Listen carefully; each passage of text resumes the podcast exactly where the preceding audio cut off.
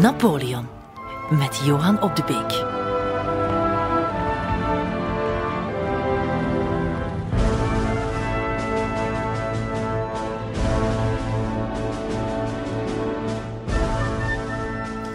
Er leefde in Europa nog maar één man. De andere schepsels probeerden hun longen te vullen met de lucht die hij had ingeademd. Alfred de Musset.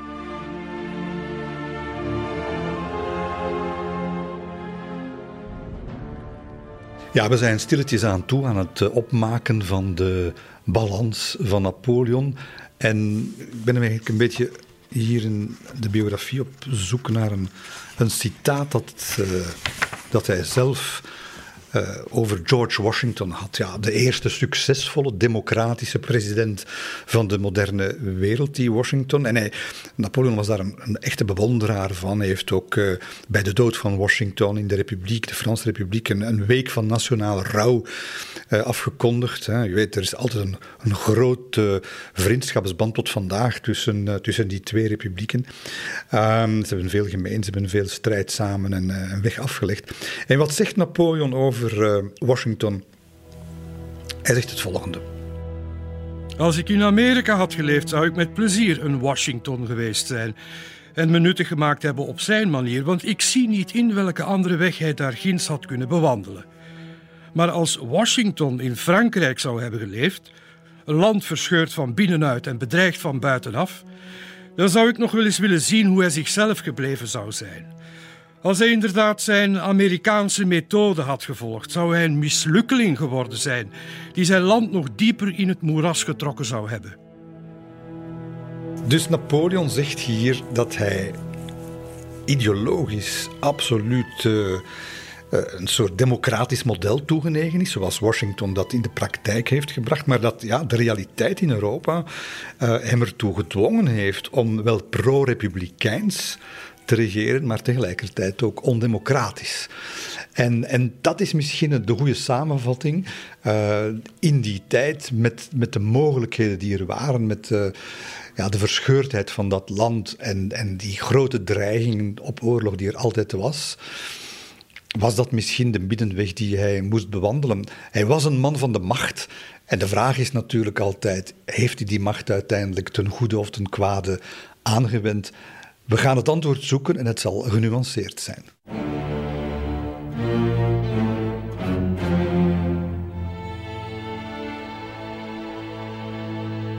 Ook ik ben fundamenteel en van nature voor een gematigde regering.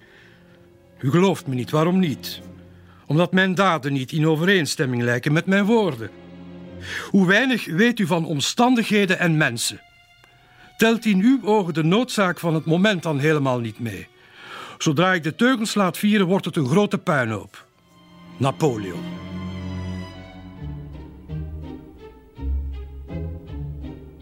Hoe hij omgaat met de macht, dat, dat merk je al meteen van, van het eerste moment dat hij echt uh, de politieke macht niet gaat krijgen, maar gaat grijpen. En dat is in 1799. Hij is nog generaal, keert terug uit Egypte, omdat het in Frankrijk heel slecht gaat. Uh, Frankrijk wordt opnieuw nog maar eens bedreigd door Oostenrijk uh, en de, republiek na, na die uh, revolutie die maar uitdijnt en, en, het land helemaal verscheurd heeft.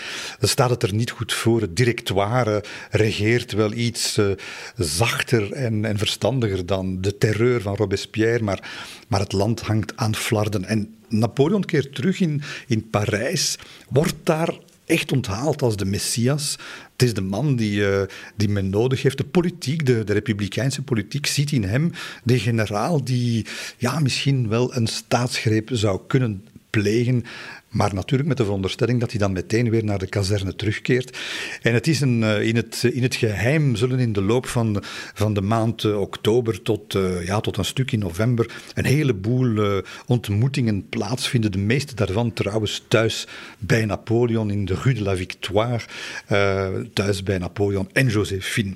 Hoge officieren, volksvertegenwoordigers, bankiers, leden van het prestigieuze Institut de France, dat nog altijd bestaat. Het bolwerk van, de, van, het, uh, van intellectueel Frankrijk, ja, die vinden elkaar daar allemaal uh, thuis en uh, ze worden uitgenodigd. Uh, Bonaparte praat met hen. Als het niet helemaal lukt, dan wordt Josephine ingeschakeld, die, die iedereen charmeert, de scherpe kantjes afrondt, in slaap wiegt wie te wakker is en, en opwint wie te lauw is en zo verder. En dus dagenlang gaat dat door. Uh, sommige van die directeurs van het directoire die, die zeggen beste Bonaparte, luister eens, uw lot is het leger. Hè. Barra zegt hem dat. Hè. U neemt terug het bevel van het Armée d'Italie. En ik werd verder geen gezeur meer uh, horen salueren en de hielen keren. Frankrijk wordt niet geleid door een staatshoofd, maar door een, een vijfkoppige regering, directoire. En een deel daarvan ziet hem absoluut niet zitten. Eén ehm, uh, wel, dat is Thiès. Die heeft hem al een paar keer in het geheim gevraagd om, om mee te doen. Maar de anderen vinden hem te jong uh, en vinden hem ook een, een aanstellerig generaaltje dat zo snel mogelijk terug naar, uh, naar Egypte moet, moet, uh, moet vertrekken. zo gaat dat maar door. Dan is er weer iemand anders die langskomt. Het wordt 1 november en het is tijd om klaar wijn te schenken, vindt Bonaparte. Hij gaat naar het directoire, wordt daar eigenlijk door Talleyrand, met wie hij samenzweert, wordt daar s'nachts binnengelaten. Talleyrand die, die trippelt eerst de koets uit, gaat de trap op naar het het appartement van die, van die CS om toch maar te kijken dat er niemand anders in de buurt is. En loopt dan terug naar beneden in alle stilte. En, en loodst dan Bonaparte die trap weer op. En, en ze beginnen met elkaar te praten. En het is de laatste keer dat die CS nog Bonaparte gaat onderschatten. Want voor hij nog maar kan plaatsnemen, neemt de generaal onmiddellijk het initiatief. Geen gepraat meer, geen voorzichtig aftasten meer. In een fractie van een seconde positioneert Bonaparte zich als de leider van dat onuitgesproken complot. Hij zegt: U kent mijn overtuigingen, het moment is aangebroken om iets te doen. Bent u er klaar voor? En die CS die, die staat sprakeloos, die weet niet wat hij moet zeggen, Talleyrand ook niet. En Bonaparte legt uit wat er gaat gebeuren. Eerst moeten ze, zegt hij, de beide kamers onder uh, een of ander voorwendsel, het parlement dus, uh, weggeloodsen uit Parijs naar Saint-Cloud, dat is 10 kilometer uit de hoofdstad. Dat is goed, want dan, is er, dan hebben ze die parlementairen geïsoleerd. Men gaat dat doen onder het voorwendsel van een fictieve militaire staatsgreep van de Jacobijnen. En dan moet Sieyès ervoor zorgen dat uh, diezelfde volksvertegenwoordigers Bonaparte aanstellen als hun beschermer met de nodige troepen. Dus hij wordt dan leider van het leger. En dan zal Bonaparte uh, een nieuwe staatsvorming aankondigen, het consulaat uitroepen en eigenlijk de kamers voor een voldongen feit stellen, maar allemaal volkomen wettelijk. Dat moment is er geen sprake van een staatsgreep. Dus hou u bezig met de verhuizing van die volksvertegenwoordigers naar Saint-Cloud, zegt uh, Bonaparte, en ik zal mij dan wel met de rest bezighouden. En als het zo niet kan, zegt hij aan. Uh, aan CS, aan de directeur. Als het zo niet kan, wel, dan hoeft je op mij niet meer te rekenen. Aan generaals ontbreekt het niet om de wet te doen naleven, zegt hij. Dus iedereen staat daar paf. Bonaparte heeft het initiatief in handen, maar je voelt aan alles dat dit, dit is heel gevaarlijk spel. Uh, je bent uh, een paar jaar ervoor voor minder op het schavot beland. En diezelfde avond nog zitten ze samen, Talleyrand, uh, in de Rue Thébout, met Napoleon. dat is in het huis van Talleyrand. En plotseling, ze zitten nog te praten van hoe ze het gaan aanpakken. En plotseling springt die Talleyrand, de manke poot, springt uit zijn fauteuil op omdat ze op straat plotseling hoefgetrappel horen weer klinken een cavaleriepeloton en ze stoppen warempel voor de deur komt men een arresteren? Is het complot verraden? En de anekdote toont aan hoe dun de koord is waarop die beide heren zich dan op dat moment voelen balanceren. Want uh, er wordt niet aangeklopt, de ruiters verdwijnen weer terug. En, uh, en ze zijn doodsbang geweest, alle twee, dat het afgelopen was. Maar je ziet, uh, het is een dunne koord. En op 6 november, we zijn nu heel dicht bij het fatitieke moment, gaat er in de Saint-Sulpice-kerk, gaat de niet vermoedende, maar toch een beetje wantrouwige volksvertegenwoordigers een groot banket aanrichten ter ere van generaal Bonaparte. Er wordt in de kou klappertandend gegeten en weinig gesproken. Iedereen wantrouwt elkaar. En, Bonaparte wantrouwt vooral het, uh, het eten, want uh, hij vermoedt dat men hem daar misschien wel gaat vergiftigen. En hij gaat daar eigenlijk niks eten.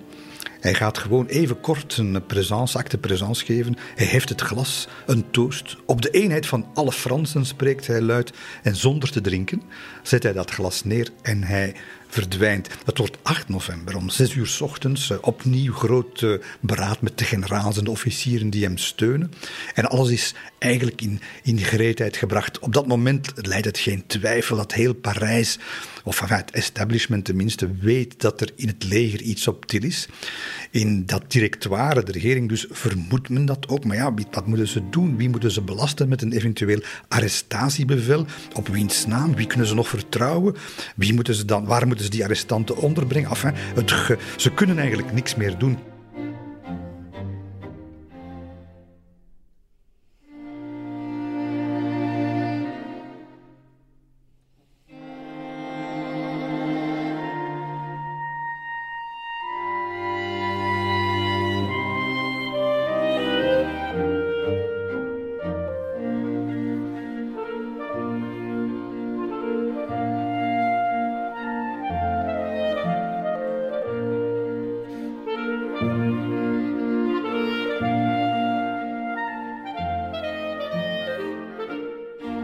Het wordt 9 november.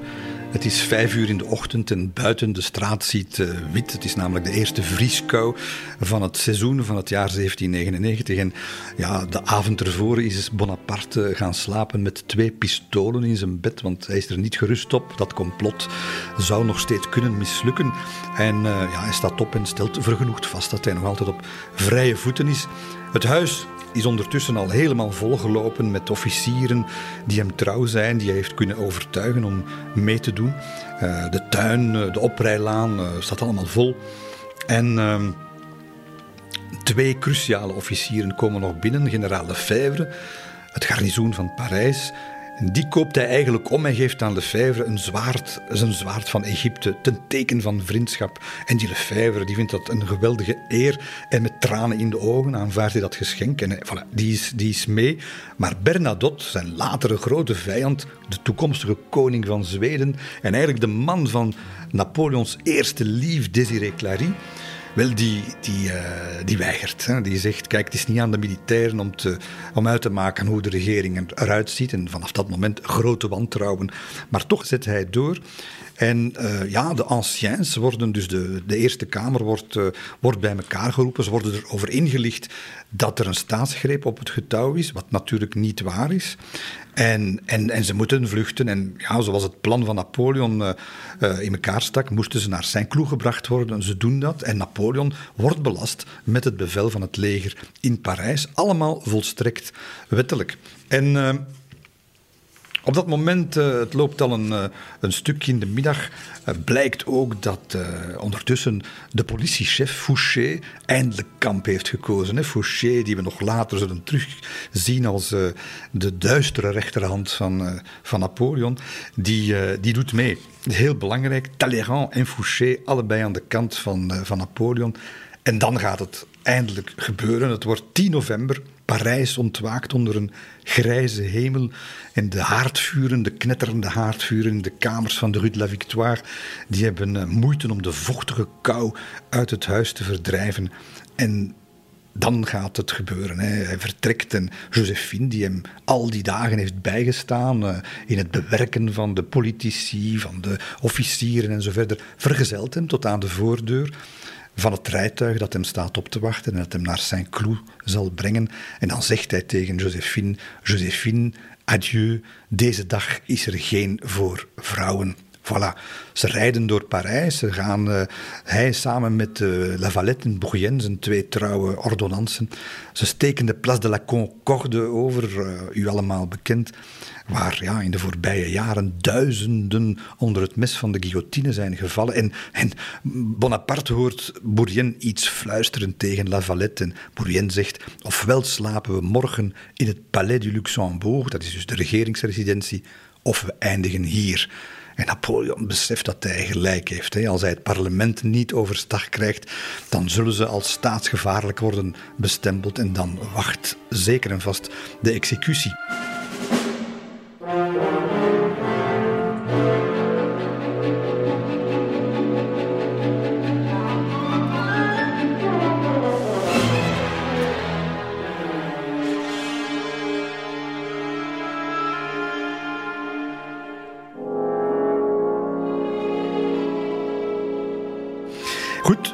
Komen aan in Saint-Cloud en je ziet daar allemaal lopen, de vertegenwoordigers van de, van de anciens en de Cinq-Cents in witte toga's of rode mantels. Eh, dat is de volksvertegenwoordiging van de Republiek.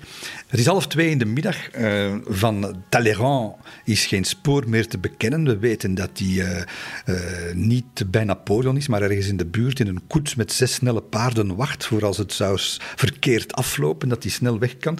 hij heeft nog een paar... hij heeft natuurlijk de grenadiers van van de Republiek staan daar uh, voor, het, uh, voor het plein, uh, voor het paleis van Saint-Cloud.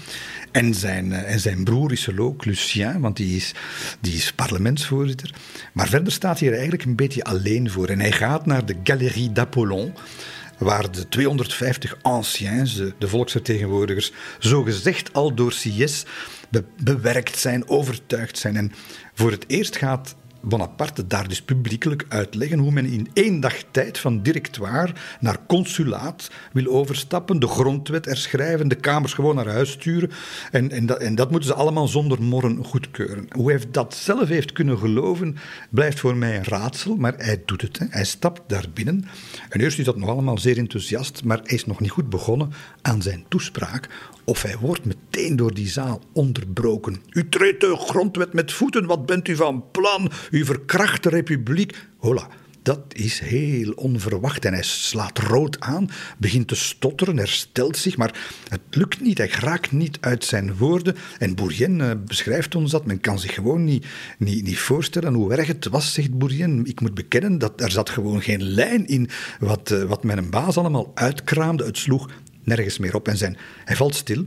Zijn ogen zoeken nog wat steun in de zaal en, en, lijken die alleen maar te vinden bij de, bij de verbaasde koppen van de, van de grenadiers die daar de ingang bewaken. Maar je ziet die ook al twijfelen, die denken van wat is dat hier? Wie, waarom is die volksvertegenwoordiging tegen, tegen onze generaal? Dus ze beginnen te twijfelen. En goed, Bourrienne redt hem daar eigenlijk. Hij trekt hem aan zijn mouw, hij trekt hem gewoon dat podium af. Hij zegt, mon generaal, allez, maak dat je hier weg zijt. Je weet niet meer wat je vertelt. En, en Bonaparte loopt dan weg. Wie mij lief heeft, volgen mij, roept hij nog. Maar er volgt helemaal niemand meer, buiten Bourrienne. En hij trekt, uh, hij trekt dan maar naar de andere, naar de Tweede Kamer. Uh, die in de orangerie uh, verzameld onder het voorzitterschap. Dat zijn de, de 500, 500 opgepepte volksvertegenwoordigers onder het voorzitterschap, gelukkig van, van Lucien Bonaparte, zijn broer.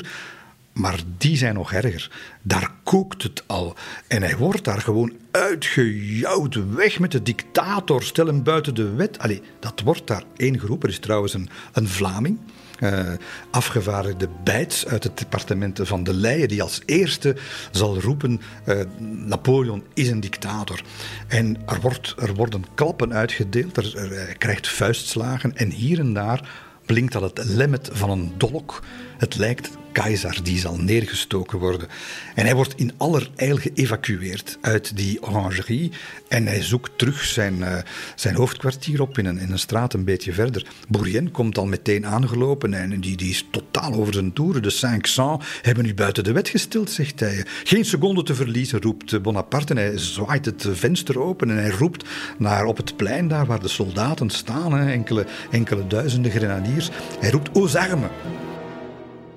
En iedereen kijkt verschrikt op. Uh, Ozarme, hoezo? Ozarme, wat is er tegen de volksvertegenwoordigers? Wat bezielt hem? Hij, hij stijgt op zijn paard en hij, roept opnieuw naar de soldaten. Soldaten, kan ik op u rekenen? Ik ga deze heren tot reden brengen. En het antwoord op dat plein is een ijzige stilte. Wat, wat is hier aan de hand? Niemand begrijpt het nog. En dan is het Lucien Bonaparte, de, de broer en ook de parlementsvoorzitter, die dan te paard stijgt en die eigenlijk stilletjes tegen zijn broer, tegen Napoleon zegt: hou je mond, je kent er niks van, dit gaat niet goed aflopen. En hij neemt het woord. Lucien is een begenadigde redenaar die al in de Jacobijnse clubs geweldige debatten heeft gewonnen. En die gaat de soldaten toespreken. Hij gaat daar een verhaaltje verzinnen. Hij gaat zeggen: Mijn broer is hier door een minderheid van die, van die, van die volksvertegenwoordigers. Die, die betaald worden door Engeland. bijna doodgestoken. En we moeten de republiek redden. En, en, en hij krijgt die soldaten terug aan hun kant. Maar het is kantje boordje. En als er die dag één sterke politicus is die bijvoorbeeld in die Raad van 500, in die Tweede Kamer, met een sterke speech de rangen terug had kunnen sluiten en iedereen terug zelfvertrouwen had kunnen geven, dan was het afgelopen. Dan was Napoleon buiten de wet gesteld, want er stonden al andere generaals klaar om zijn plaats in te nemen en, en dat is niet gebeurd. Er was niemand tegen Napoleon, maar ook niet tegen Lucien Bonaparte uh, opgewassen. En dan, uh, voilà, ze gaan met, uh, met een paar grenadierscompagnies gaan ze die, twee kamers binnen, onder leiding van Murat. En die, die, die zegt gewoon, die Murat zegt, schop die bende hier gewoon buiten. En dan krijg je dus een hallucinante scène. Zes uur s'avonds is het al. de, de staatshervorming is eigenlijk op een paar minuten tijd ontaard in een militaire staatsgreep. En ja, deftige heren uh, moeten spitsroeden lopen, pluimen, mooie mantels en hoeden, ze vallen op de grond. Er zijn uh, volksvertegenwoordigers die door het raam naar buiten moeten klimmen, uh, angst voor Murat. Ze, ze lopen weg, maar ze hebben die wel nodig, want ze moeten die staatshervorming nog bekrachtigen met hun, met hun handtekening. En, en dan zal je dus zien dat in het midden van de nacht er soldaten in de cafés en de herbergen en zelfs in de tuinen en andere schuilplaatsen op zoek gaan naar, naar het quorum, naar het minimum aantal volksvertegenwoordigers die er niet holst van de nacht de grote staatshervorming en het invoeren van het consulaat zullen ondertekenen. De grote verdienste van deze staatsgreep, die nooit bedoeld was als een militaire staatsgreep, maar er wel een geworden is, is dat er geen druppel bloed is gevloeid. Parijs blijft doodkalm, men weet daar eigenlijk van niks. En om vijf uur s'nachts zullen Bourrienne en Napoleon in dezelfde koets als waarmee ze gekomen waren terug naar Parijs rijden. Ze horen op straat de soldaten het oude sans-culotte lied zingen. Ah, ça ira, ça ira. Les aristocrates à la lanterne. En Napoleon denkt na. Het kind van de revolutie, dat zal hij altijd blijven. Maar nu gaat hij aan diezelfde revolutie een einde maken. Ah ça ira, ça ira, ça ira. Le peuple en ce jour sans cesse répète. Ah ça ira, ça ira, ça ira. Malgré les mutins, tout réussira. Nos ennemis confus en restent là. Et nous allons chanter Alléluia. Ah ça ira, ça ira, ça ira. Quand Bruno jadis du clergé parla, comme un prophète, il prédit cela en chantant ma chansonnette avec plaisir, on dira Ah, ça ira, ça ira, ça ira, ça ira malgré les mutins, tout réussira. Ah, ça ira, ça ira, ça ira, suivant la maxime de l'évangile. Ah, ça ira, ça ira, ça ira, législateur tout s'accomplira. Celui qui s'élève, on l'abaissera.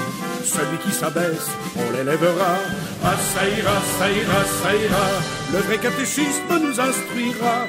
Et l'affreux fanatisme s'éteindra pour être la loi docile tout français s'exercera. Ah, ça ira, ça ira, ça ira, ça ira malgré les mutins. Tout réussira. Tiendra, ça tiendra, ça. On va trop bien le nouer pour que ça se délie. Ah, ça tiendra, ça. Et dans 2000 ans, on s'en souviendra. Le despotisme expirera. La liberté triomphera. Ah, ça ira, ça ira, ça ira. Nous n'avons plus ni noble ni prêtre. Ah, ça ira, ça ira, ça ira. L'égalité régnera l'esclave autrichien le suivra. Ah, ça ira, ça ira, ça ira, ça ira, et leur infernal le clique, au diable s'envolera. Ah, ça ira, ça ira, ça ira, les aristocrates à la lanterne. Ah, ça ira, ça ira, ça ira, les aristocrates on les pendra. Napoleon.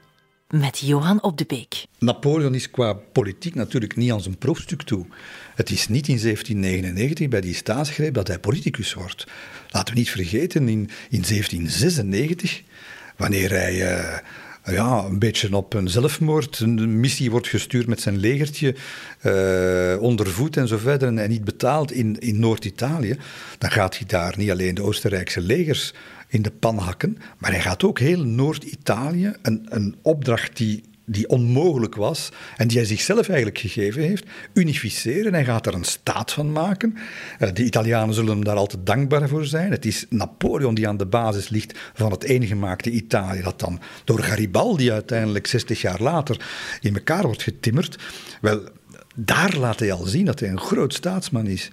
Hij gaat dat land leiden. Hetzelfde zal zich voordoen in Egypte, waar hij erin slaagt om ja, de rode muts van, uh, van, van de republiek uh, ja, te laten samengaan met de, met de Koran. Doe het maar eens na. Er zijn geen godsdienstconflicten geweest in, in het Egypte van Napoleon. En dat kun je toch niet doen als je alleen maar een militair bent. Dat kan je alleen doen als je ver boven dat, dat, uh, dat militaire uitstijgt. En als een, als een staatsman, als een visionair staatsman gaat, te, werk gaat op een zeer jonge leeftijd. Hij was toen 26, 27 jaar. En dus, als hij in 1799 door de, door de Republikeinen eigenlijk wordt, wordt meegetrokken in die staatsgreep, onderschatten ze natuurlijk volledig zijn, uh, zijn kunnen.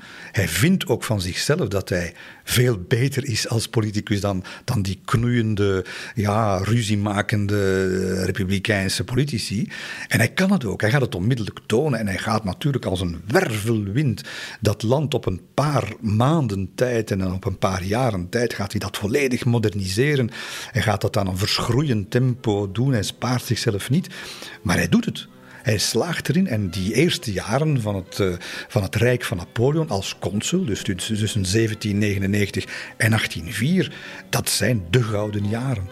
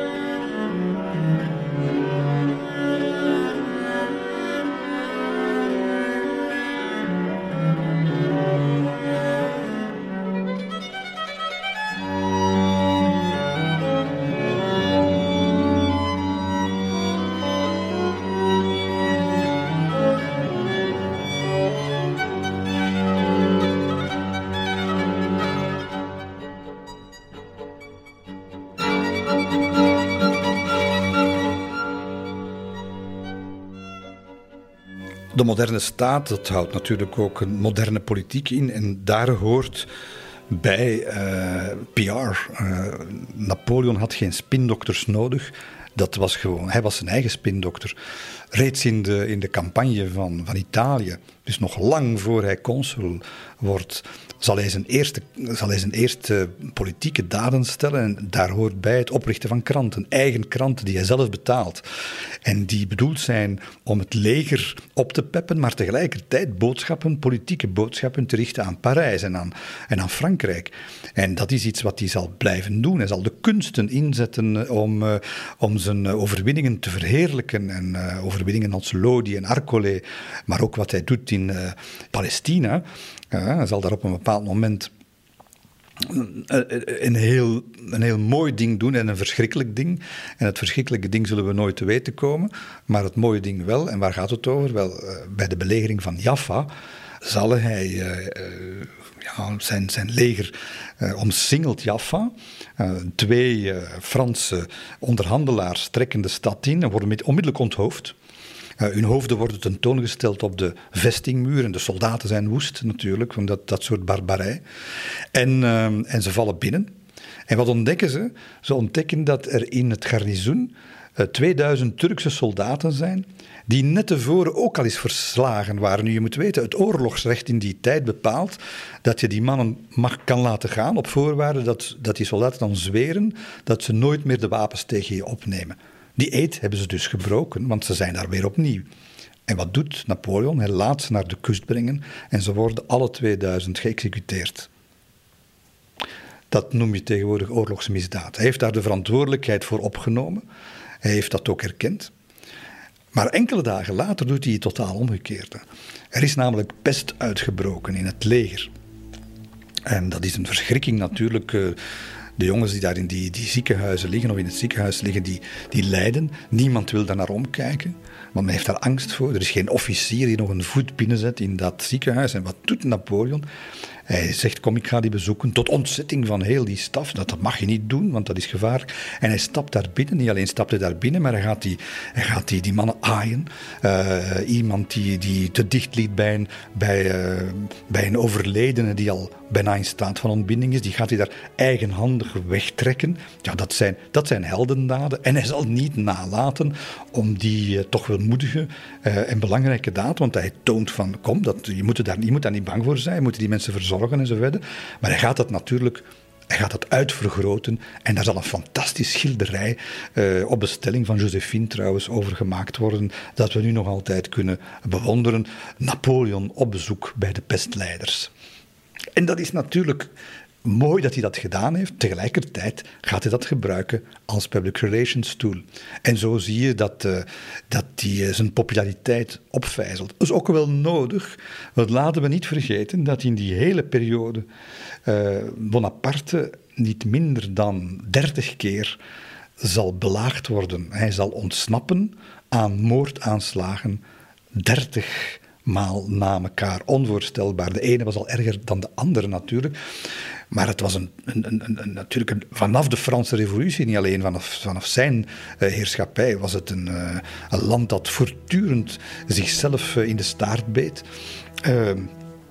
Het, ene complot kwam van de royalisten, het andere kwam van de republikeinen. Er waren complotten bij die door de Engelsen betaald werden. Enfin, het was altijd iets. Maar het meest, uh, het meest uh, ja, tot de verbeelding sprekende was natuurlijk de aanslag van de Rue Saint-Nicaise.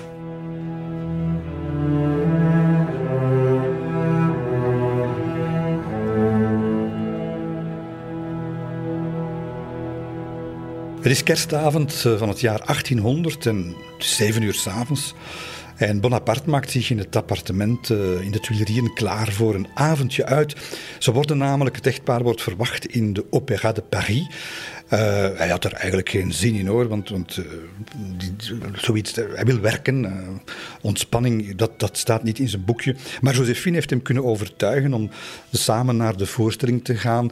En dat is namelijk de première van het oratorium La Création, eigenlijk die Schöpfung van Joseph Haydn. Hij is een componist waar ze eigenlijk beiden een zwak voor hebben. En enfin, hij laat zich dan maar overtuigen. Allee, Bonaparte zegt ze, het zal je zinnen verzetten. Kom, gewerkt veel te hard. We gaan daar naartoe. En uh, vooruit, ze zijn weg. Uh, alles wat naam en faam uh, in de stad heeft, die zullen daar in die zaal zitten. En trouwens, die opera wordt heel streng bewaakt door de geheimagenten van Fouché, de politieminister. Want ja, Fouché heeft ondertussen al, al vijf complotten ontdekt. Uh, ze hebben eens uh, willen schieten op hem, een paar royalistische soldaten tijdens een parade. in, een, in het Théâtre des Arts heeft men hem willen neersteken. hier en daar misschien zo'n pomaanslag. enfin, telkens Fouché heeft dat kunnen vrijden en, en Bonaparte trekt zich daar eigenlijk niks van aan. Hij gelooft trouwens niet echt. Hij denkt dat Fouché, niet helemaal ten onrechte, Fouché dat uh, al die complotten om hem bang te maken en om zichzelf eigenlijk belangrijk te maken. Dat is zo met van die uh, sluw ingestelde politiebazen. En dus ze vertrekken in twee aparte koetsen. Bonaparte gaat als eerste, hij is vergezeld van Berthier en van Lannes. En Josephine volgt later in een tweede karos met haar dochter Hortense. Dat is een heel korte rit van de Tuileries naar de opera. En hij valt zelfs in slaap uh, tijdens die rit. Maar het zal niet lang duren, want te beginnen wordt die koets bestuurd door César. César is een oud soldaat die nooit een glaasje afslaat en die dus in aangeschoten toestand op de bok klimt en onmiddellijk met overdreven, overdreven snelheid door Parijs zal, zal razen. En dat is een klein detail, maar dat van levensbelang gaat zijn voor uh, Napoleon. De koets staat op het punt om vanuit uh, de rue Saint-Nicaise, die vandaag niet meer bestaat, de rue Faubourg Saint-Honoré in te draaien. En op de hoek uh, van uh, wat we tegenwoordig het Théâtre Français kennen, staat een man in een donkere mantel. En dat is Saint-Régent, dat is een lid van een samenzwering die al wekenlang is uh, voorbereid. En Saint-Régent heeft de moeilijkste opdracht van allemaal. Hij moet eigenlijk de lont aansteken van een uiterst krachtige bom. En, uh, dat, dat is een wijnvat gevuld met buskruid, spijkers en gebroken glas op het moment dat de consulaire koets voorbij gaat rijden. En om geen achterdocht te wekken, heeft die Saint-Régent een visverkoopster gevraagd om haar 14-jarige dochtertje bij hem te posteren, bij die wijnton. Zodanig dat niemand uh, ja, eigenlijk uh, achterdocht gaat krijgen. En dat meisje weet natuurlijk niet wat er zal gebeuren. En de koets van Napoleon dendert voorbij daar in de, in de Rue Saint-Nicaise. En uh, net als de kolonel van de consulaire garde ook voorbij die bom rijdt, ontploft ze. Het is een, het is een geweldige explosie die, die alles en iedereen uh, in de buurt in stukken zal rijten. Er zijn uh, ja, bijna, bijna, de hele straat is glasschade. Vier huizen zijn helemaal kapot. Veertig anderen die zijn zo zwaar beschadigd dat men ze later moet, moet slopen. Je hoort de explosie in heel Parijs. Dus je kunt je afvragen wat met Napoleon wel. Het is een kwestie van seconden geweest.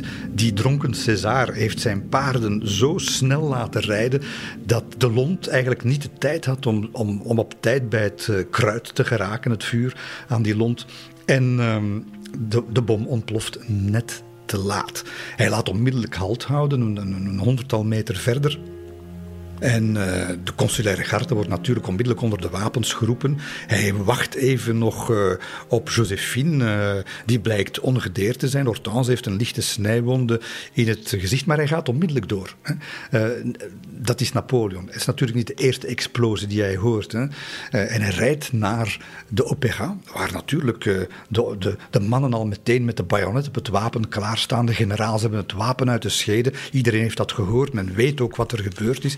En hij zegt, kom, kom, we gaan hier meteen de opera binnen. Iedereen in die zaal uh, zit daar. En in de zaal zit Andoche Junot, zijn, beste vriend, uh, generaal Junot, met vrouw en schoonmoeder. En, en ze hebben dat allemaal gehoord. Tot in de opera kon je die knallen horen.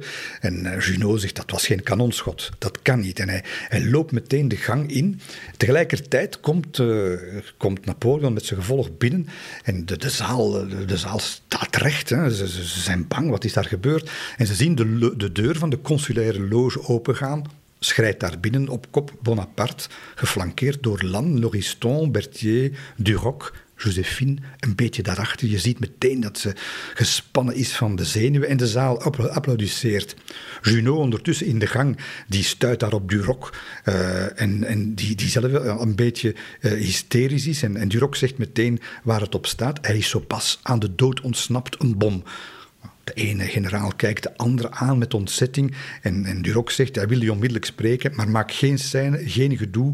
Uh, kom, uh, laat mij steunen op uw arm, want ik sta eigenlijk een beetje te beven op mijn benen, zegt die Duroc, die toch al verschillende veldslagen heeft meegemaakt. En ze stappen uh, toch stilletjes de, de, de loge in. Beneden in de zaal hoor je intussen een, een aanzwelmd gezoem van stemmen en kreten. En iedereen heeft ondertussen gehoord wat er gebeurd is. En plotseling staat dat publiek op en ze beginnen luidkeels zijn naam te scanderen.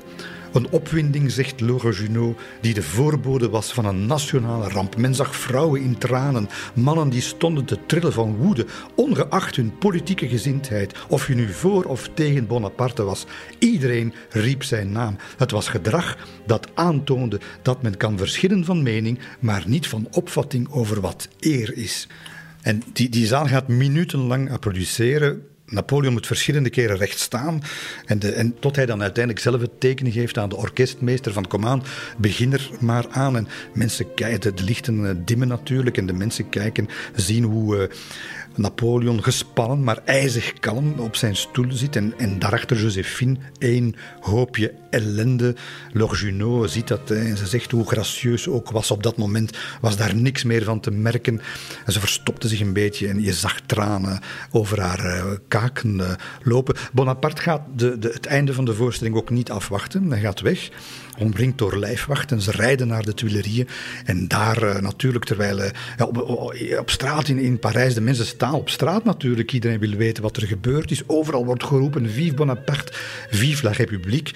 Maar hij heeft daar geen tijd voor. Hij, uh, hij loopt kwaad de Tuilerieën binnen en wil onmiddellijk grijpt daar Fouché bij de Revers, de politiebaas. En hij vraagt, wat is hier aan de hand? Fouché ja, die zegt onmiddellijk, zelf een republikein zegt onmiddellijk, het zijn de royalisten.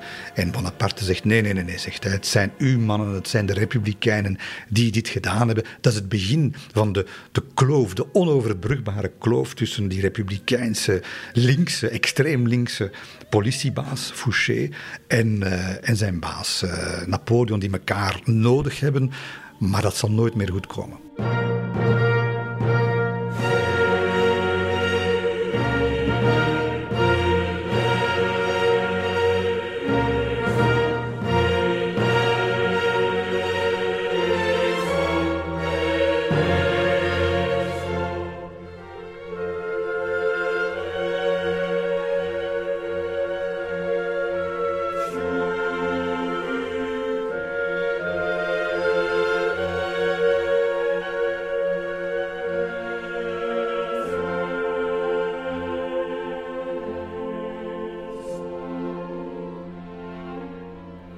Zal daar niet bij blijven. Uh, op een bepaald moment in Malmaison, het, buitenverblijf, ontdekken de, de bedienden dat uh, werkmannen die daar een beetje gewerkt hebben aan uh, de marmeren schoorsteenmantel, die, die laten daar een soort tabaksdoos achter. En ze kennen die doos niet. Nu, je weet, Napoleon die pakte elke dag een beetje die snoof aan tabak. Elke dag, elke ochtend deed hij dat. Maar ze herkennen die doos niet. En uh, ze kunnen nog net beletten dat hij er zijn hand weer eens instopt. En ze brengen die doos naar Fouché. En Fouché laat die onderzoeken. Die tabaksdoos blijkt vergiftigd te zijn. Een van de, van de tientallen verhalen die in die tijd de ronde doen rond de aanslagen op uh, de eerste consul.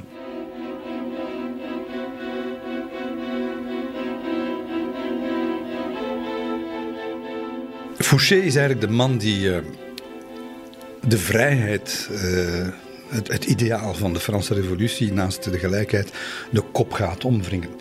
Uh, Napoleon laat hem begaan. Napoleon is vooral bekommerd om infiltratie van Engelse spionnen en het, uh, het sloopwerk van, uh, van de royalisten. hij wilde regeren met, met grote stabiliteit in eigen land. En, en, en dat is zijn bekommernis. Maar Fouché die gaat, die gaat veel verder. Fouché, dat is eigenlijk de man waarvan wordt gezegd: je kan in, in Frankrijk geen woord zeggen of Fouché komt het te weten. hij gaat eigenlijk een politieapparaat uh, uitwerken dat zo verfijnd is en zo uitgebreid is dat je eigenlijk kan spreken als uh, Fouché, de uitvinder van de eerste politiestaat in, in Europa. Het is niet dat de gevangenissen vol zitten hè, in het keizerrijk. Dat is eigenlijk absoluut niet zo. Maar dat is eigenlijk ook niet nodig. Want Fouché's doctrine is eigenlijk: je kunt beter voorkomen dan genezen. En om te voorkomen moet je weten. Dus hij ontwikkelt een uitzonderlijk netwerk van spionnen, geheimagenten. Die schuimen eigenlijk het land af op zoek naar informatie over complotten en sabotage. Maar niet alleen dat. De onnogelijkste blijken van oppositie of van politieke tegenstand. Het wordt gerapporteerd aan Fouché. Hij gaat pikante details over het leven, het eh, privéleven van, van de vermeende tegenstanders uh, uitspitten. En hij gaat overal uh, tipgevers recruteren. ja, de gebruikelijke, de usual suspects de prostituees, de cafébazen, maar dat worden ook rijke bankiers, hoge functionarissen. En uiteindelijk gaat hij ja, de doelwitten van zijn bespiedingen uh, zeer, zeer divers maken. Hè. Dat, zijn, dat zijn boeven, ja, dat zijn buitenlandse diplomaten, ja, koningsgezinden, maar ook journalisten, kunstenaars, beursmakelaars, Franse ministers, leden van de Bonaparte-klan en op den duur Napoleon zelf. Hij gaat iedereen uh, bespioneren. En mm, Constant, de, de lakai van Bonaparte, heeft daar uh, het volgende over gezegd. Wij werden voortdurend bespioneerd zonder dat we het in de gaten hadden. Men wist alles wat we deden. Men wist alles wat we deden, welke bezoeken we aflegden, waar we heen gingen. Ze wisten welke vrienden we hadden en ook die werden scherp in het oog gehouden. Constant Bourrienne, Eerste Kamerdienaar. En omdat Bonaparte Fouché zo begon te wantrouwen, heeft hij dan een, een aparte tweede binnenlandse veiligheidsdienst opgericht. Uh, en dat werd natuurlijk la, la, la guerre des flics, hè, la guerre des police. Maar hij, hij, vertrouwde hem niet. En je zal ook zien, naarmate het keizerrijk evolueert, heeft Fouché uh, Bonaparte echt gesaboteerd, verraden. En Bonaparte, Napoleon als keizer, heeft hem laten begaan, heeft hem zelfs twee keer afgezet, twee keer terug in dienst genomen.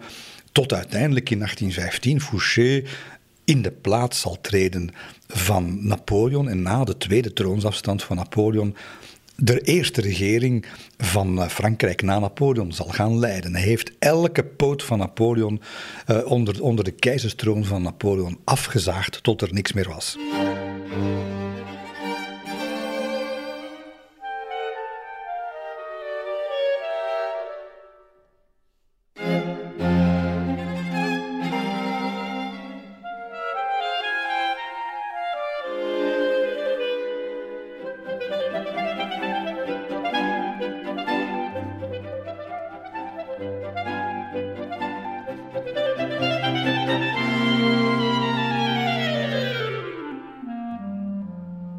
Napoleon zelf was ook dubbelzinnig ten aanzien van dat tweede grote ideaal van de, van de verlichting en de Franse Revolutie, namelijk de vrijheid.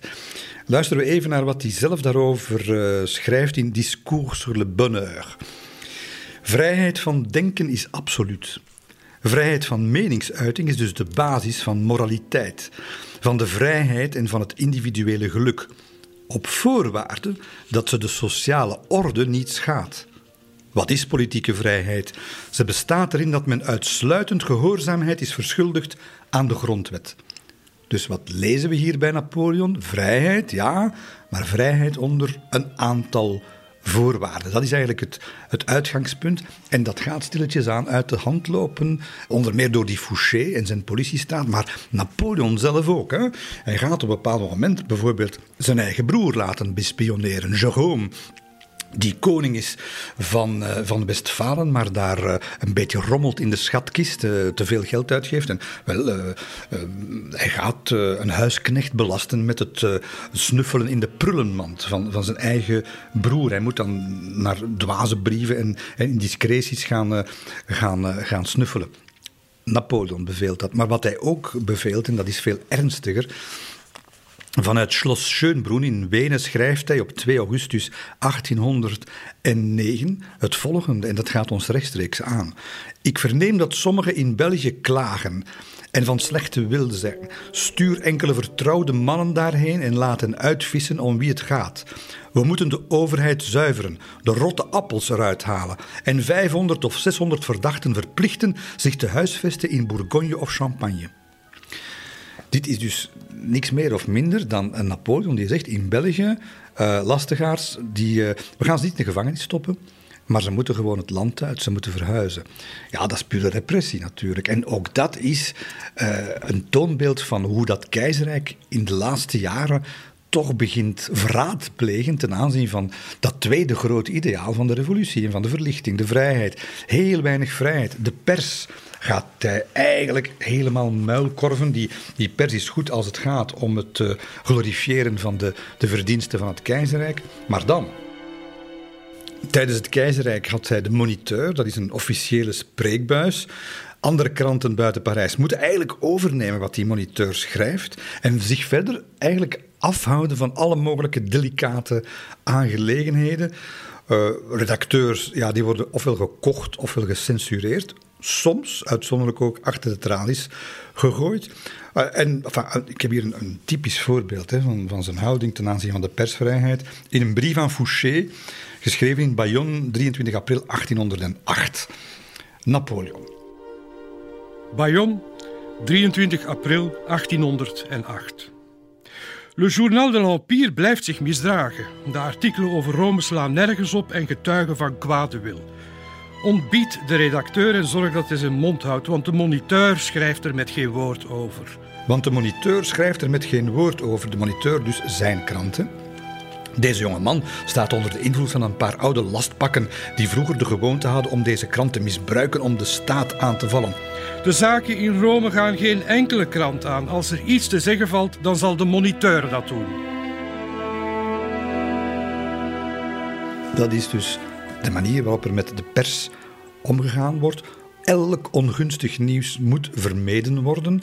Zelfmoord bijvoorbeeld, dat kan niet. Iedereen in het keizerrijk is gelukkig en zo verder. Hè. Je, moet, je moet echt opletten wat je schrijft of je krijgt last met hem. Nu, daar moeten we aan toevoegen. Dit is allemaal niet nieuw. Voor hem hebben alle koningen zo gehandeld. Tegelijk met hem handelen alle regeringen, of het nu Wenen is, Sint-Petersburg, Berlijn, iedereen doet dat. Hè? Dus ja, mag ons oordeel dan harder zijn over Napoleon? Misschien wel, want het is toch wel uitgerekend hij die uh, ja, de manager van de verlichting was. Hij vertrapt de persvrijheid, de anderen deden het ook. Ja, Napoleon, dat had je niet mogen doen dan. Hè? Opnieuw zal hij dan antwoorden: Ja, maar ik had natuurlijk wel Washington willen zijn, democratischer willen zijn, maar het was me niet gegund. Ik had de tijd er niet voor. Ik werd bedreigd. Mijn republiek werd ondermijnd. En dat klopt ook allemaal. Dus ja, moeilijk om de balans te maken. Heel moeilijk. Zet, zet je je maar eens in zijn plaats. als journalist denk ik natuurlijk van wat een, wat een dictatuur was dat daar. Als burger van 1810, hoe zou ik er dan over gedacht hebben? Ik durf het niet zeggen.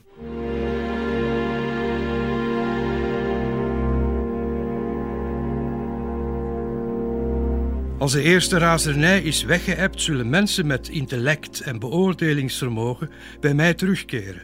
Alleen de gekken en kwaadaardigen zullen mijn vijand blijven. Napoleon.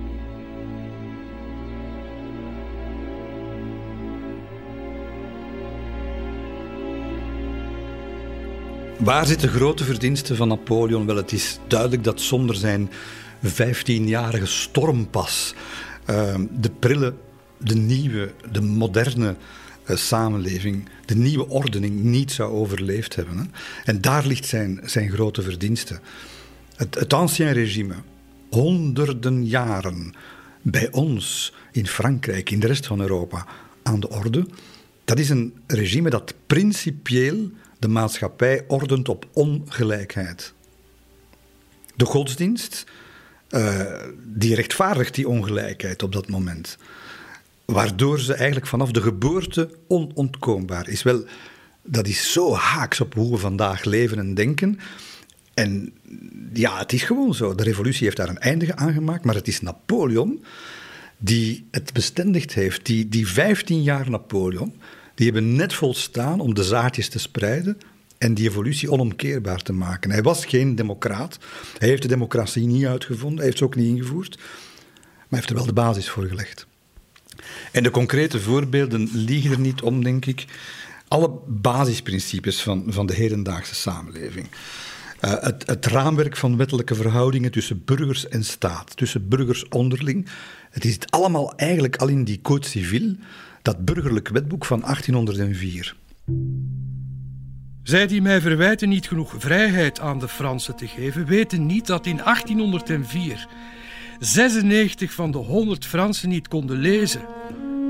Ik heb er alles wat in mijn vermogen lag aan gedaan om vrijheid te geven aan deze massa. Intelligent, maar onontwikkeld. En gedemoraliseerd door oorlog en door de anarchie van de revolutie.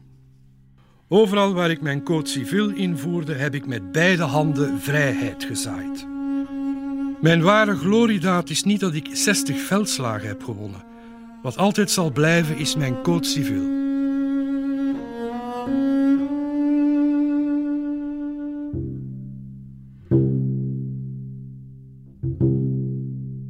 Het begint allemaal bij die fameuze Code Civil, het monument van Napoleon van 1804. De basis van de moderne rechtsstraat. Voor het eerst iedereen gelijk voor de wet. Individuele vrijheid, erkend. Uh, in plaats van feodale willekeur een, universele rechtsorde. Ja, dat, dat zijn dingen die, die aan de basis liggen van, van hoe ons recht vandaag in elkaar zit. En een tweede reusachtige doorbraak, en die we rechtstreeks op zijn konto mogen schrijven, is natuurlijk de scheiding van kerk en staat. Zeer actueel vandaag. Eén, godsdienstvrijheid bestond niet. Hè. Onder het ancien regime was de, was de kerk, die, was, was, de, was het de katholieke kerk die, die eh, de dienst uitmaakte. Um, en je krijgt, ook onder invloed natuurlijk van de verlichting, krijg je een inrichting van een staat waarbij de maatschappelijke ordening voor het eerst niet meer gekoppeld is aan een godsdienst. Anderen willen dat vandaag weer wel terug invoeren. Uh, we zijn het aan de mensen van de Franse Revolutie van de Verlichting en aan de manager van de Verlichting, zoals ik hem altijd noem, Napoleon, verschuldigd dat, het, dat we het nu niet meer hebben. Uh, het betekent dat de staat niet handelt volgens een levensbeschouwing. Dus dat geen enkele levensbeschouwing of godsdienst het monopolie heeft over politieke beginselen, basisbeginselen van onze maatschappij. Uh, dus dat, dat is de basis voor pluralisme. Dat is de basis voor, voor levensbeschouwelijke tolerantie. Dat is de moderne natie en dat komt rechtstreeks vanuit die periode. Uh, de revolutie heeft dat radicaal willen doordrukken.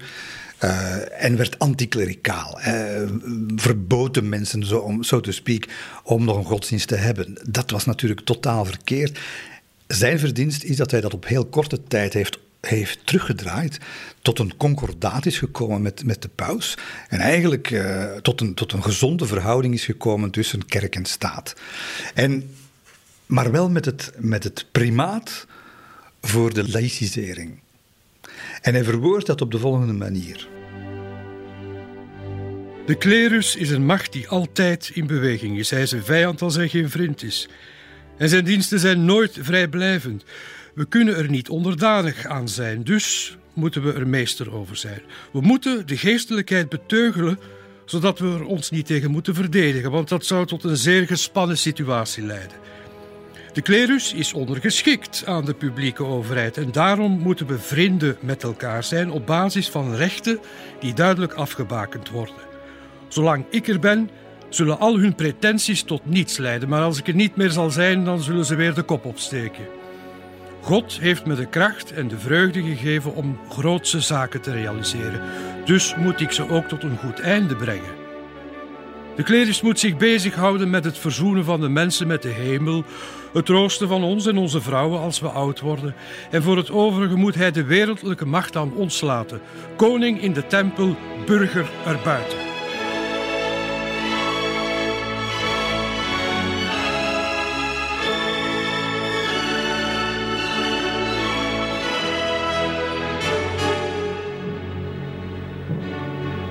dit is de basis van eh, de scheiding kerk en staat.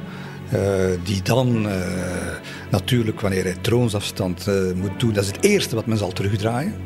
Dat is ook de, de inzet van, van hoe, de, hoe België, hoe de, de founding fathers van België in 1830 strijd zullen leveren rond die scheiding van kerk en staat. En dat zal, dat zal gemengd aflopen, zullen we maar zeggen. Maar het is natuurlijk wel fundamenteel om eh, ook onze hedendaagse waardendiscussie te voeren. Dit gaat niet over 1800, dit gaat niet meer over Napoleon, dit gaat over ons. Dit is, uh, dit is natuurlijk even fundamenteel nu als het toen was. En, en, daar zit natuurlijk de ware betekenis. We hebben vorige keer de, uh, in het lang en in het breed de slag van Austerlitz beschreven.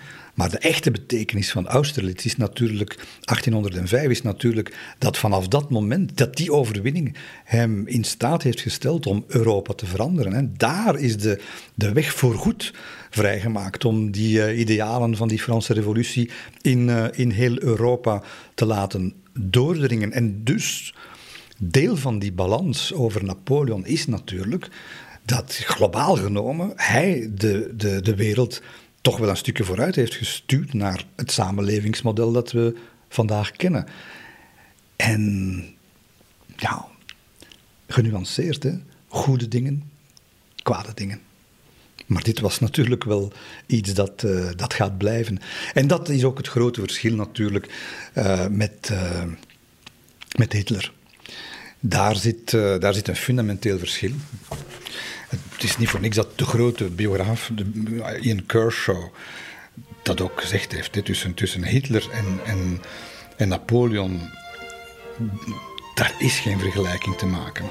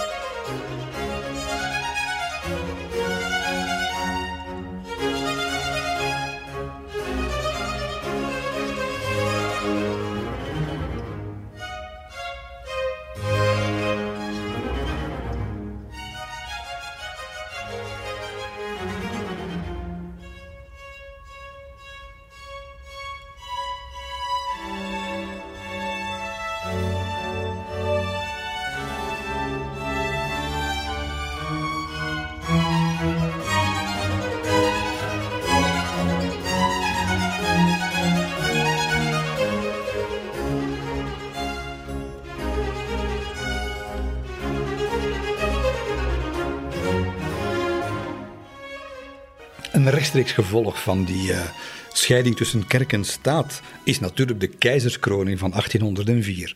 Met dat fameuze portret geschilderd door David van Napoleon, die de kroon zet op uh, het hoofd van Josephine als keizerin. Nadat hij zelf de, de, de, kroon uit handen had genomen van de paus en ze op zijn eigen hoofd had geplaatst.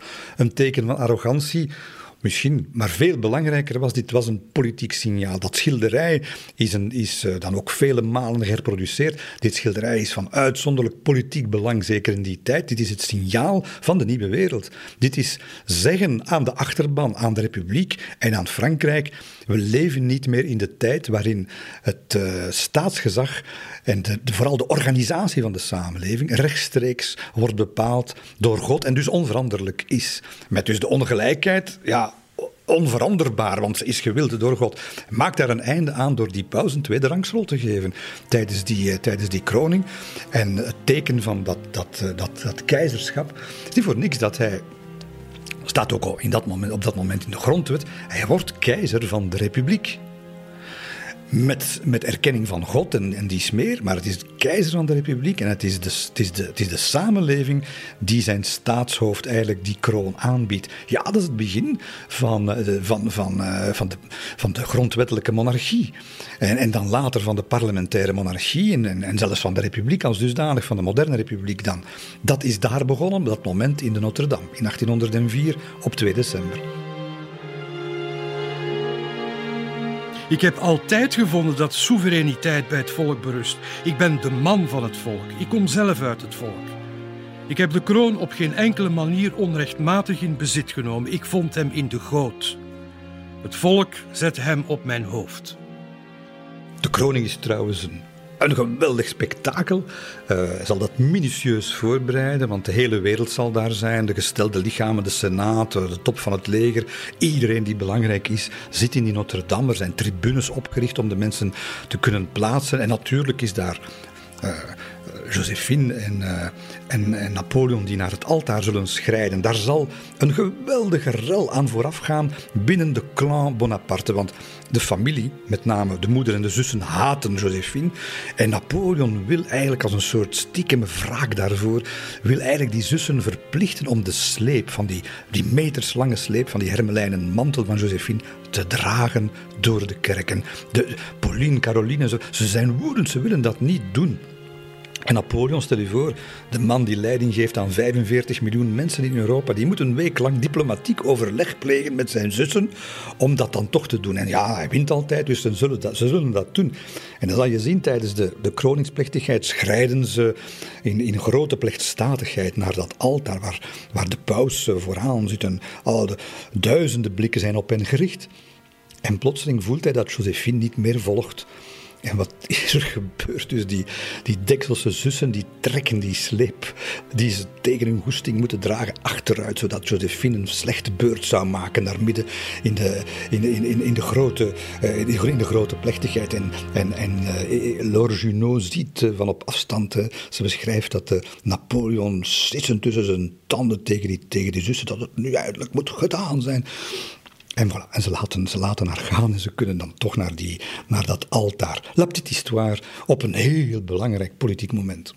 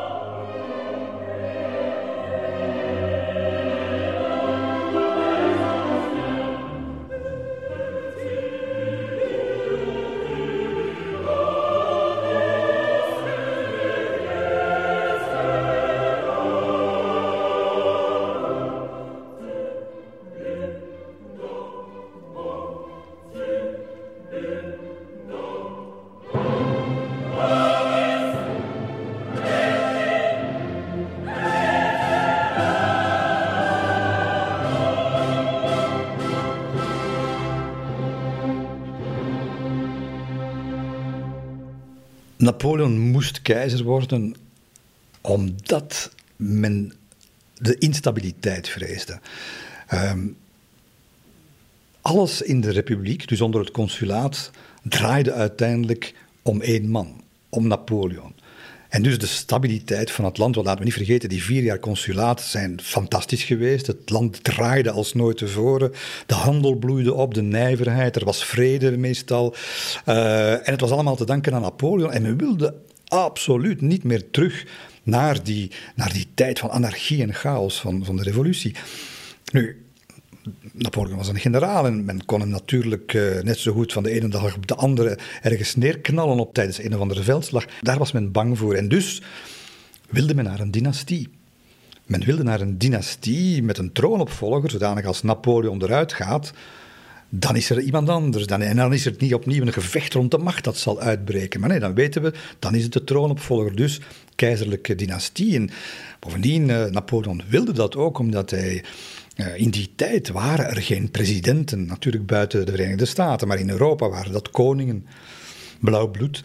En hij voelde zich niet au serieus genomen en hij hoopte eigenlijk door een dynastie te creëren, door die keizerstitel aan te nemen, keizer van de republiek weliswaar, dat hij, uh, ja, dat het op hun hoogte zou komen en dat het uh, makkelijker zou worden, dat het uh, eenvoudiger zou worden om met ze te praten en te onderhandelen, wat nooit is gelukt, want ze hebben hem nooit aanvaard. Het was een usurpator, het was iemand die daar geen recht op had in, in hun ogen.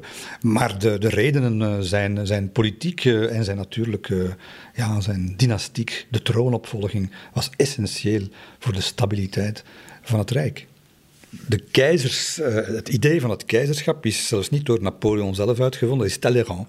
Die daar, uh, de geslepen Talleyrand, die daar als eerste mee voor de pinnen is gekomen. En Hij zei daar natuurlijk niet nee op. Hij heeft dat graag gedaan. Uh, dit zal zeker zijn ego enorm, zijn mateloos ego enorm gestreeld hebben. Maar het achterliggende idee was 100% politiek.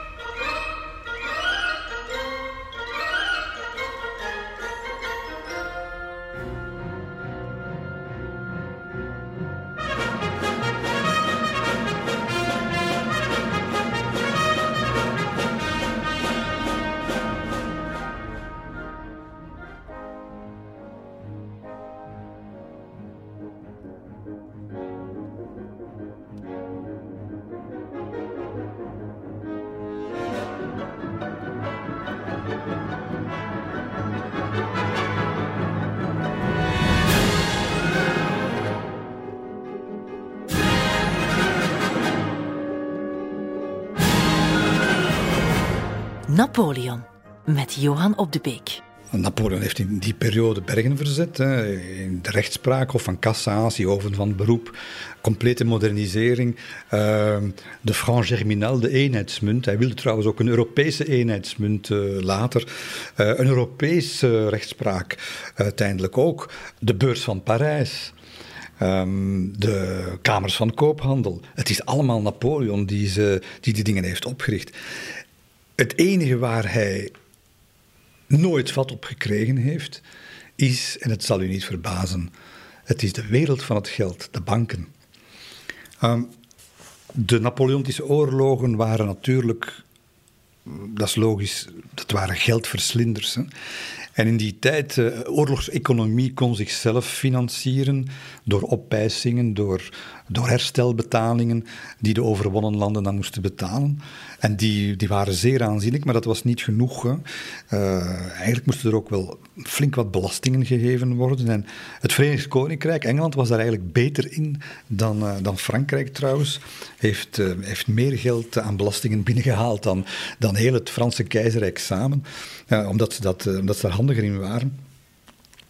Maar er is één zaak dat die toch wel bijzonder is. Napoleon toch wel in geldnood uiteindelijk. Hij had beter natuurlijk de belastingen gelaten wat ze waren. En ja, zoals dat gaat, zoals nu vandaag en toen ook veel regeringen doen, uh, je beroepen op de kapitaalmarkten. Met andere woorden, lenen. Hij heeft dat niet gedaan. En opnieuw is het antwoord waarom hij dat niet heeft gedaan van politieke aard. Hij weigerde afhankelijk te worden van banken.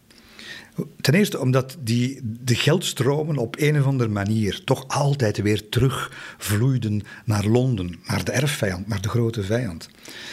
Maar de meest politieke redenen voor het weigeren van leningen is natuurlijk deze.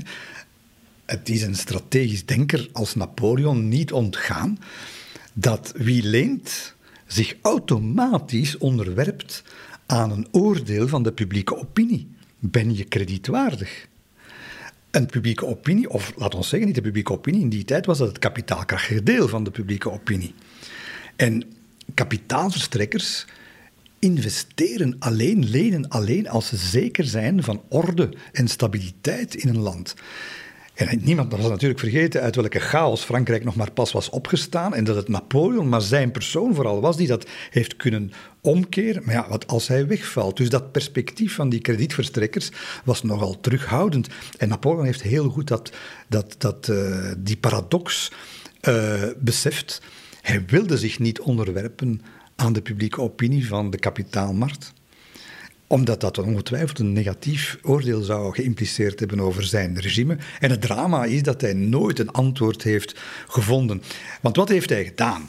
Hij heeft iets gedaan wat ons zeer bekend in de oren klinkt. Iets wat we vandaag nog, al tenminste onze regeringen en de Europese Commissie, nog altijd proberen te doen. Dat is ja, een beetje controle krijgen over de geldstromen en over de speculatie. Speculatie tegen landen, tegen munten. Wel, Napoleon deed hetzelfde. Hè. Hij heeft. Uh, hij heeft uh, overal eigenlijk waar het, waar het Franse leger de, de macht kreeg, uh, of beter gezegd, overal waar de Franse administratie de, het voor het zeggen kreeg, uh, begon het bestuursapparaat zich te moeien met het geldverkeer. Een duidelijk beeld probeerde te krijgen van bron en eindbestemming van, van financiële transfers.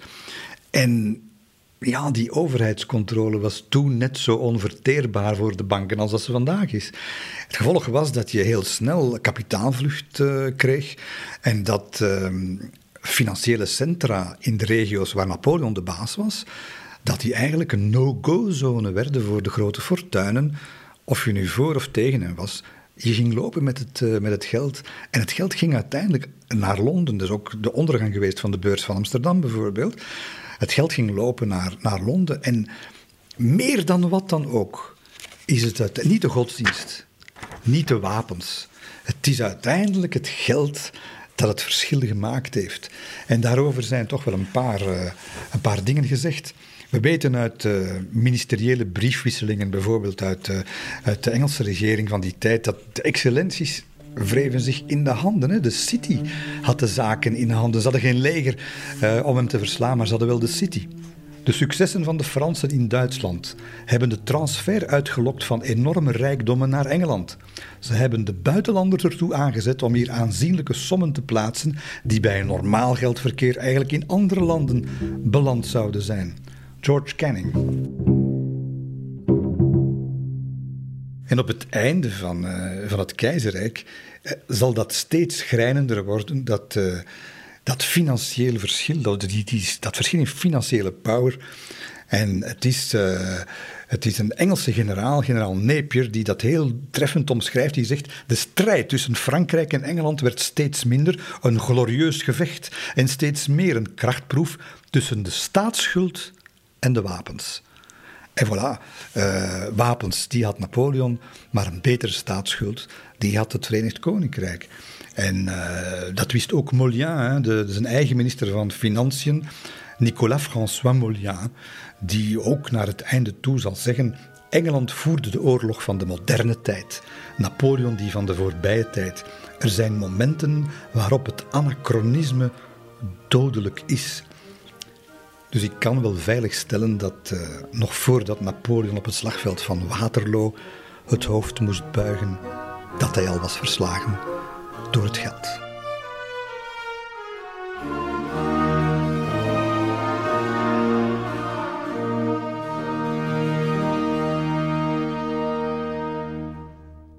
Uiteindelijk is het budget op het einde van het uh, Napoleontische Rijk met een, met een verlies geëindigd, maar experten zeggen, als je in rekening neemt wat er de afgelopen 15 jaar gebeurd is, een zeer bescheiden verlies. Het is eigenlijk vrij goed gerund, dankzij uh, ja, hoge belastingen, dankzij uh, brandschattingen van de overwonnen landen en, en dankzij, en dat is, dat is zijn grote politieke fout natuurlijk, dankzij het onevenwichtig toepassen van dat continentaal stelsel, die blokkade, die handelsblokkade tegen Engeland, die uiteindelijk logisch was, maar die hij niet consequent toepaste, niet eerlijk toepaste. Uh, Frankrijk, de Franse handel en nijverheid, de Franse industrie, had daar eigenlijk, of er werd gezorgd dat er eigenlijk weinig, last van had. Maar de anderen, Holland, uh, Italië en vooral de Duitse landen, de Confederatie van de Rijn, zijn grote bondgenoot in Midden-Europa, hebben daaronder geleden. Hij heeft dat altijd uh, op een unfaire manier gedaan. En dat is eigenlijk, als er één grote fout is, geopolitieke fout. Met waarschijnlijk gevolgen tot op de dag van vandaag, tot diep toch al sinds tot in de 20e eeuw. Dan is het wel dat Napoleon op zijn hoogtepunt een Frans-Duitse as maakt het keizerrijk verbindt met die confederatie van de Rijn, niet min, hè, Pruisen en Saksen uitgezonderd, is dat eigenlijk heel Duitsland. Is een bondgenoot, ook politiek overtuigd. Die confederatie van die Duitse staten, ze staan erachter. En ja, gaandeweg laat hij dat verkommeren. Hij ziet hen meer als een soort toeleveranciers van, van soldaten voor het Grand Armée dan als een echte evenwaardige bondgenoot. Hij laat hen lijden onder dat continentaal stelsel en hij gaat langzaam die Duitsers vervreemden van Frankrijk en ze zullen zijn tegenstanders worden op het einde in, eh, in 1814. Dat is natuurlijk... Eh, we hebben geen glazen bol, maar als dat zou gestand gebleven zijn, dat dat Duits-Frans verbond, dan zou er nooit geen 1870 geweest zijn, nooit geen sterk nationalistisch en dominant Pruisen in Europa. Zou er waarschijnlijk ook geen 1914 geweest zijn. En misschien geen Tweede Wereldoorlog, of toch althans niet zoals we hem gekend hebben. En, en dat had Napoleon beter en anders kunnen doen. Daar staat natuurlijk, daar heb je mijn nuance weer, daar staat natuurlijk tegenover dat hij natuurlijk ook nooit de tijd heeft gehad om het allemaal tot in de puntjes uit te klaren. Dat de anderen er alles aan gedaan hebben om het niet te laten gebeuren. Want dat, dat verbond zag men natuurlijk, dat Duits-Frans verbond. En zeker de Russen en de Oostenrijkers hebben er alles aan gedaan om dat te dynamiteren. Maar het is, het is, een, het is een droombeeld eigenlijk. Uh, van, uh, van vroegtijdige stabiliteit en vrede in Europa met een, met een andere 20e eeuw, als Napoleon er dan in zou geslaagd zijn om, uh, om dat toch te doen overleven.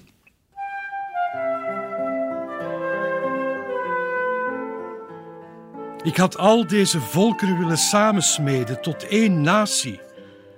Het zou mooi geweest zijn als ik met zo'n resultaat het nageslacht en de eeuwigheid tegemoet had kunnen treden.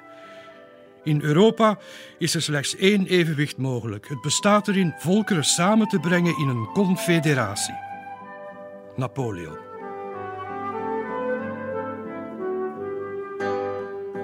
Hij is ook niet echt duidelijk geweest in zijn plannen, wisselde te vaak van positie. De ene keer was het meer uh, Russisch gezind, dan weer Oostenrijks gezind. En dat heeft hem ook ongeloofwaardig gemaakt in de ogen van de andere grootmachten. Eh.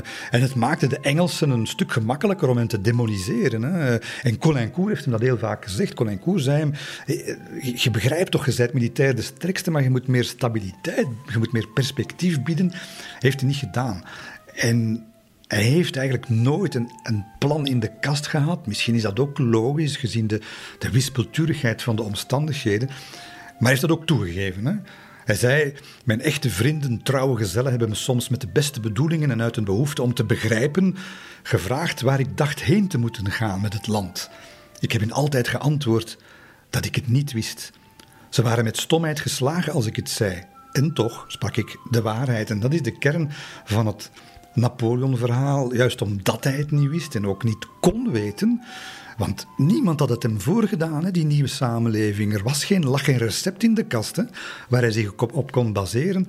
En, en, is de wereld en hij zelf geëvolueerd naar iets, op paden waar, waar, die onontgonnen waren, waar nog niemand op was geweest en die hem uiteindelijk persoonlijk naar de afgrond hebben geleid. Maar die waarschijnlijk de hele samenleving, als we dat nu 200 jaar later bekijken, ja, toch naar iets beters hebben gebracht. Politiek van hoog niveau is niets anders dan gezond verstand toepassen op grote zaken. Ik ben soms een vos en soms een leeuw. Het hele geheim van het landsbestuur bestaat erin te weten wanneer je de een moet zijn en wanneer de ander.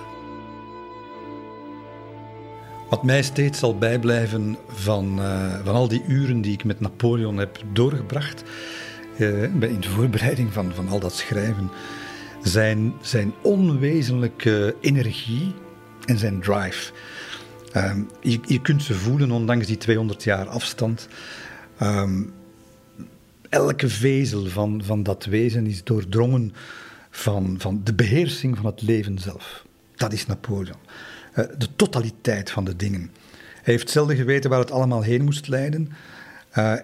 Maar, maar hij schrok er niet voor terug om iets te doen wat je menselijk gesproken als onmogelijk moet bestempelen. Alles interesseerde hem, alles wilde hij begrijpen en alles wilde hij sturen en dirigeren.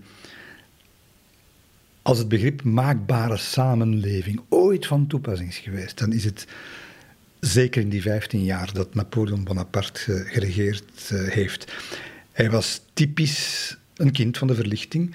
Iemand die ehm, zich op zijn gemak voelt in relaties met andere culturen en samenlevingen. Een cosmopoliet. Iemand die de wereld met een open vizier tegemoet treedt, maar 200 jaar geleden nog niet wist uh, waar het recept lag voor de perfectie. En die perfectie heeft hij absoluut niet benaderd. Hij heeft, uh, heeft misstappen begaan, hij heeft zich vergist. Hij wist ook niet hoe het, hoe het moest gaan en waar het zou eindigen. En hij zei ook op het einde van zijn leven: Ja, ik heb, uh, ik heb het geluk gezocht. En ik heb slechts de glorie gevonden. Goed, zoals Balzac zullen we maar zeggen. Uh, wie kon Europa veroveren door gewoon even zijn hoed af te nemen? Ja, laten we onze hoed toch maar even afnemen voor Napoleon.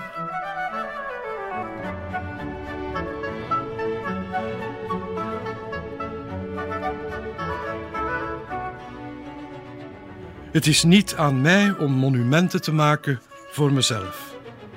De waarheid zal bekend worden en het goede dat ik deed zal samen met mijn mislukkingen beoordeeld worden. Als ik was geslaagd, zou ik gestorven zijn met de reputatie van de grootste man aller tijden. En zelfs zonder dat ik geslaagd ben, zal ik beschouwd worden als een buitengewone man. Ik heb vijftig veldslagen uitgevochten die ik bijna allemaal heb gewonnen. Ik maakte een wetboek dat voor eeuwen mijn naam zal dragen. Ik kwam uit het niets en werd de grootste monarch ter wereld. Europa lag aan mijn voeten. Napoleon.